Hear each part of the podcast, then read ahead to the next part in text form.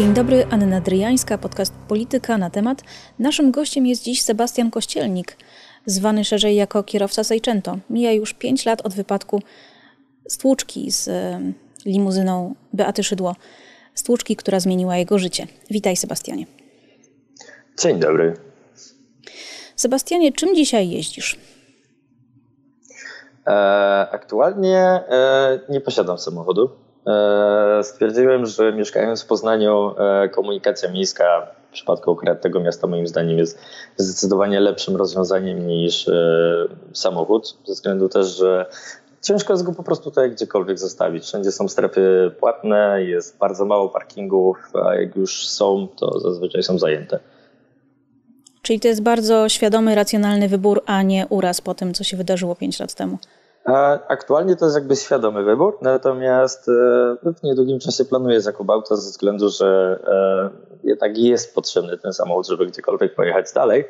E, no natomiast jak na razie sobie doskonale radzę bez korzystając czy to z komunikacji miejskiej, czy z komunikacji międzymiastowej. Ta rocznica pięciu lat od wypadku mija, minęła 10 lutego. Czy to jest dla ciebie taka data mm, w związku z którą coś czujesz? Czy, czy to jest taki dzień w kalendarzu, że ty wiesz, że to się zbliża rocznica? E, to znaczy, jeżeli chodzi o tą rocznicę 10 lutego, to przez pierwsze dwa lata jakby nie przywiązywałem w ogóle do tego żadnej wagi. Po prostu byłem wtedy jeszcze bardziej skupiony i przejęty całą tą sprawą. E, natomiast od trzeciej już w zasadzie zacząłem odliczać, ile to już wszystko trwa i aktualnie jesteśmy na liczbie pięciu lat. E, gdzieś cicho mam taką nadzieję każdego roku, że to będzie ten ostatni rok, kiedy ta sprawa e, będzie miała swój finał e, przed sądem. Natomiast e, w obecnej sytuacji trudno jest nawet powiedzieć, kiedy ten finał nastąpi i czy w ogóle nastąpi. Dlatego, że sprawa nadal nie ma prawomocnego wyroku. Ty się odwołałeś od wyroku sądu pierwszej instancji, który przypisał ci nieumyślne spowodowanie wypadku. Czy nie żałujesz tego, że no jednak nie, nie schowałeś dumy do kieszeni, nie wziąłeś tego na siebie? Miałbyś dzisiaj spokój? Prawdę mówiąc, absolutnie nie. E, z względu, że mm, nie czuję się winny z powodowania tego wypadku. E, wiele też dowodów, świadków twierdzi za tym, że jest tak, jak mówię. Kolejną kwestią jest to, że w momencie, kiedy mm, sąd z pierwszej instancji orzekł, że jest to e, warunkowe umorzenie postępowania na okres jednego roku, czyli w zasadzie mamy tutaj e, jakby przesądzenie o winie bez orzekania o karze na dobrą sprawę. A co za tym idzie, mm, ubezpieczyciel mógłby się odezwać do mnie, gdybym oczywiście przyjął ten wyrok, nie złożył apelacji w sprawie tej rządowej limuzyny, ponieważ no, jej wartość była dosyć ogromna. Wedle moich informacji ubezpieczyciel co najwyżej pokrywa do pół miliona euro, a ta kwota była znacznie wyżej. Mhm. Czyli dostałbyś e, słony rachunek, plus nie czujesz się winny. Um, czy czujesz się rozjechany tak życiowo przez Beatę Szydło? Mm, mm. Może nie personalizowałbym tego w ten sposób, tylko jakby bardziej przez e, całe to postępowanie, e, które się toczy od pięciu lat, e, ponieważ bardzo dużo czasu musiałem na to poświęcić. Naprawdę w tym czasie, zwłaszcza gdy się przeprowadziłem jeszcze do Olsztyna, czy też teraz do Poznania, to dojazdy również zajmują mnóstwo czasu. E, w pewnym momencie rozprawy były co dwa tygodnie, później co miesiąc i troszkę tych kilometrów się robiło każdego miesiąca. No i tak samo trzeba było ten czas na to rezerwować. No i cały jakby szkopuł w tym, że trwa to już no, 5 lat i w zasadzie jakby na początku było to bardziej intensywne niż teraz, ale w dalszym ciągu jakby sama kwestia mm, podróży jest, jest po prostu męcząca już. Tuż po wypadku mówiłeś mediom, że liczysz na to, że sprawa zakończy się szybko. Byłeś naiwny?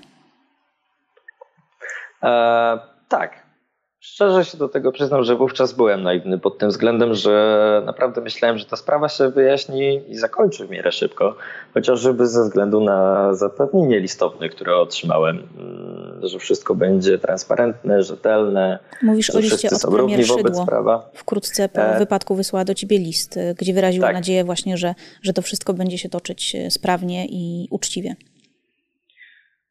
I też tak początkowo myślałem, że być może rok, półtorej roku, dwa lata, bo zazwyczaj jak czytałem o sprawach e, związanych właśnie z wypadkami, to e, trwało to właśnie zazwyczaj około roku, półtorej do dwóch. Natomiast tutaj mamy pięć lat i nadal nie widać końca tego. Masz kontakt z byłą premier? E, nie. Jakby jedyny kontakt, o ile mogę to tak nazwać, to właśnie ten list, który otrzymałem. Czyli tuż po wypadku. Liczyłeś, w ilu rozprawach uczestniczyłeś, czy straciłeś rachubę? Mm, po 30, którejś już straciłem rachubę. Hmm. Pamiętasz ten dzień? To był piątek. Po co ty w ogóle jechałeś? Gdzie jechałeś? Po co? Mm, wracałem wówczas z galerii handlowej Niwa. Akurat e, z racji, że wówczas też zbliżały się walentynki, to byłem akurat e, w kinie, żeby zakupić bilety na film. Mm, no i wracałem wówczas do domu. I chciałem wrócić skrótem, którym wracałem w zasadzie od kiedy posiadam prawo jazdy. E, ze względu, że tamtędy między osiedlem mogłem się po prostu szybciej przedostać e, w kierunku domu. No i wtedy dochodzi do wypadku. Strona rządowa twierdzi, że winny jesteś ty, dlatego że mieli sygnały dźwiękowe. Ty twierdzisz i część świadków twierdzi, że tych sygnałów nie było. Dowody zostają zniszczone w prokuraturze, dowody w postaci monitoringu. Natomiast chcę zapytać Cię o to, kim byłeś w momencie wypadku? Byłeś 5 lat młodszy niż teraz, miałeś 21 lat. Kim był ten eee, Sebastian? Tak, wówczas miałem no, w zasadzie jeszcze niespełna 21. Eee, byłem wówczas e, w klasie maturalnej, w ostatniej klasie technikum. E, no i w zasadzie prowadziłem sobie zwykłe, normalne życie, jak każdy e, jakby uczeń szkoły średniej, czyli e, spędzanie czasu ze znajomymi, jakieś hobby, w zasadzie jakieś pierwsze prace i tak dalej. No, natomiast dnia na dzień się to wszystko wtedy zmieniło. A jak wyobrażałeś sobie przyszłość przed tym wypadkiem? Miałeś jakieś plany? Nie wiem, studia, wyjazdy, podróże? Mm, jakby planów, wiadomo, jak e, to bywa właśnie w tak młodym wieku, zawsze jest dużo. Natomiast jakby z takich konkretnych planów to mm, było wówczas, że w zasadzie jakby najistotniejszy plan wtedy. To zdać jak najlepiej e, maturę, mm, tylko i wyłącznie dlatego, żeby pójść na astronomię bądź astrofizykę, którą się wówczas bardzo interesowałem.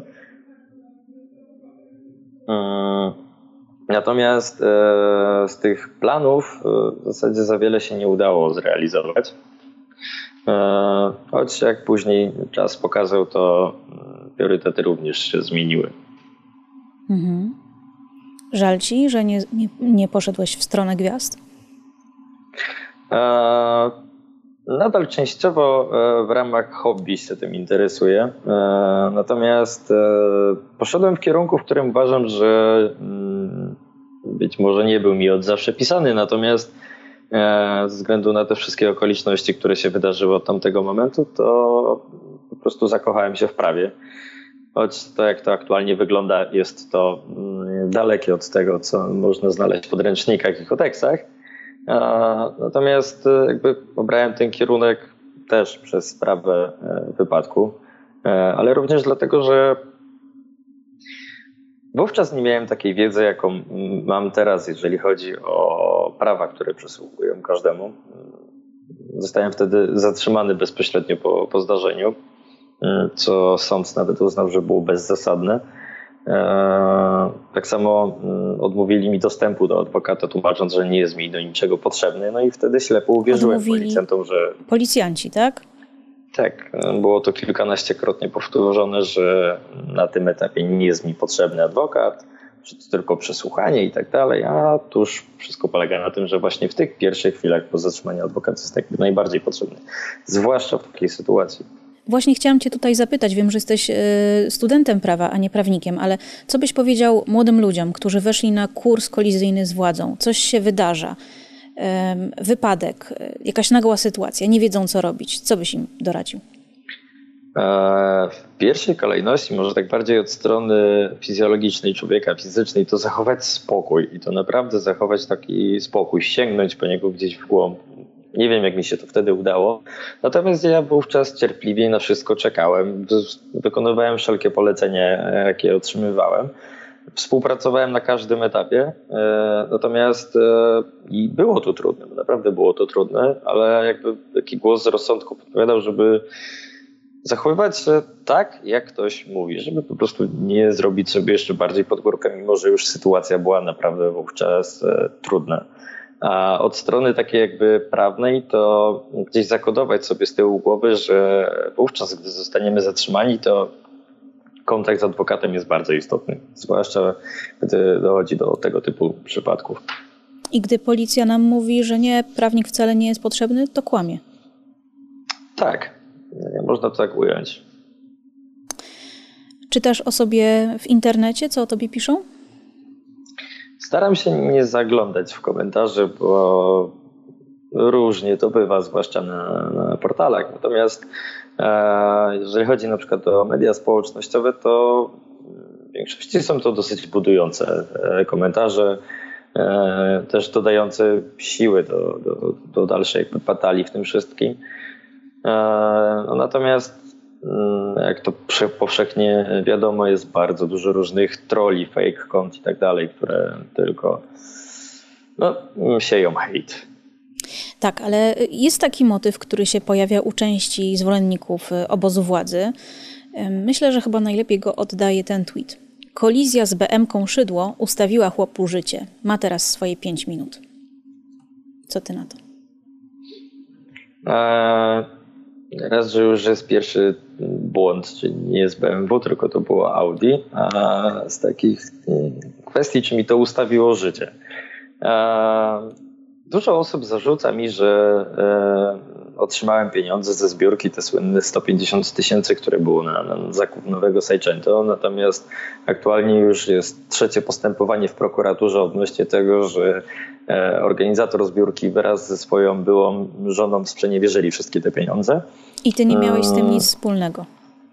Nie, absolutnie to nie miałem nic tobą. z tym wspólnego. Jedyne co to w zasadzie e, sytuacja i moja osoba została wykorzystana do tego, że ktoś zebrał 150 tysięcy złotych od ponad 8 tysięcy osób, a następnie przeznaczył je na własne cele. Okej, okay, więc y, mówisz to a propos ustawienia finansowego, ale wydaje mi się, że, że tutaj jest też taki wątek tego, że się ustawiłeś w tym sensie, że jesteś rozpoznawalny, że jesteś kierowcą Seicento, to już chyba do końca życia będzie za tobą szło, że y, nie jesteś anonimowy, że jesteś trochę taką hmm. gwiazdą.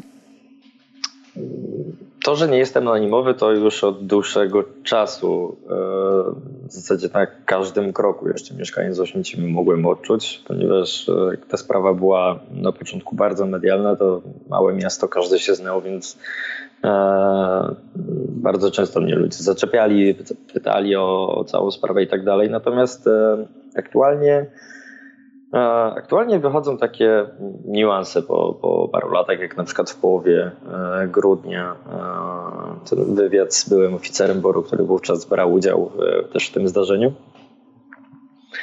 I co jakiś czas. I który, przepraszam, że wtrącę, sobie... bo nie wszyscy muszą się orientować, e, były oficer BOR, który brał udział w tym zdarzeniu, powiedział, że złożył fałszywe zeznanie na prokuraturze, czyli kłamał, powiedział, że kłamali też inni funkcjonariusze po to, żeby no, zwalić winę na ciebie. E, tak, aktualnie będzie on przesłuchiwany 26 kwietnia. Mm, co z tego wyniknie, to wówczas w kwietniu dopiero dowiem. E, natomiast jeżeli chodzi o to, że mm, coś na tym zyskałem, mm, trudno stwierdzić, czy coś na tym zyskałem, oprócz tego, że jakby rozgłos tej sprawy pomógł mi tylko i wyłącznie w tym, że wyrok nie zapadł szybciej. Nie, ja mam takie odczucie, bo myślę, że gdyby nie media, to ta sprawa zostałaby już dawno albo zamiedziona pod dywan, albo dawno by już zapadł jakiś wyrok, niekoniecznie taki, jaki zapadł. E, natomiast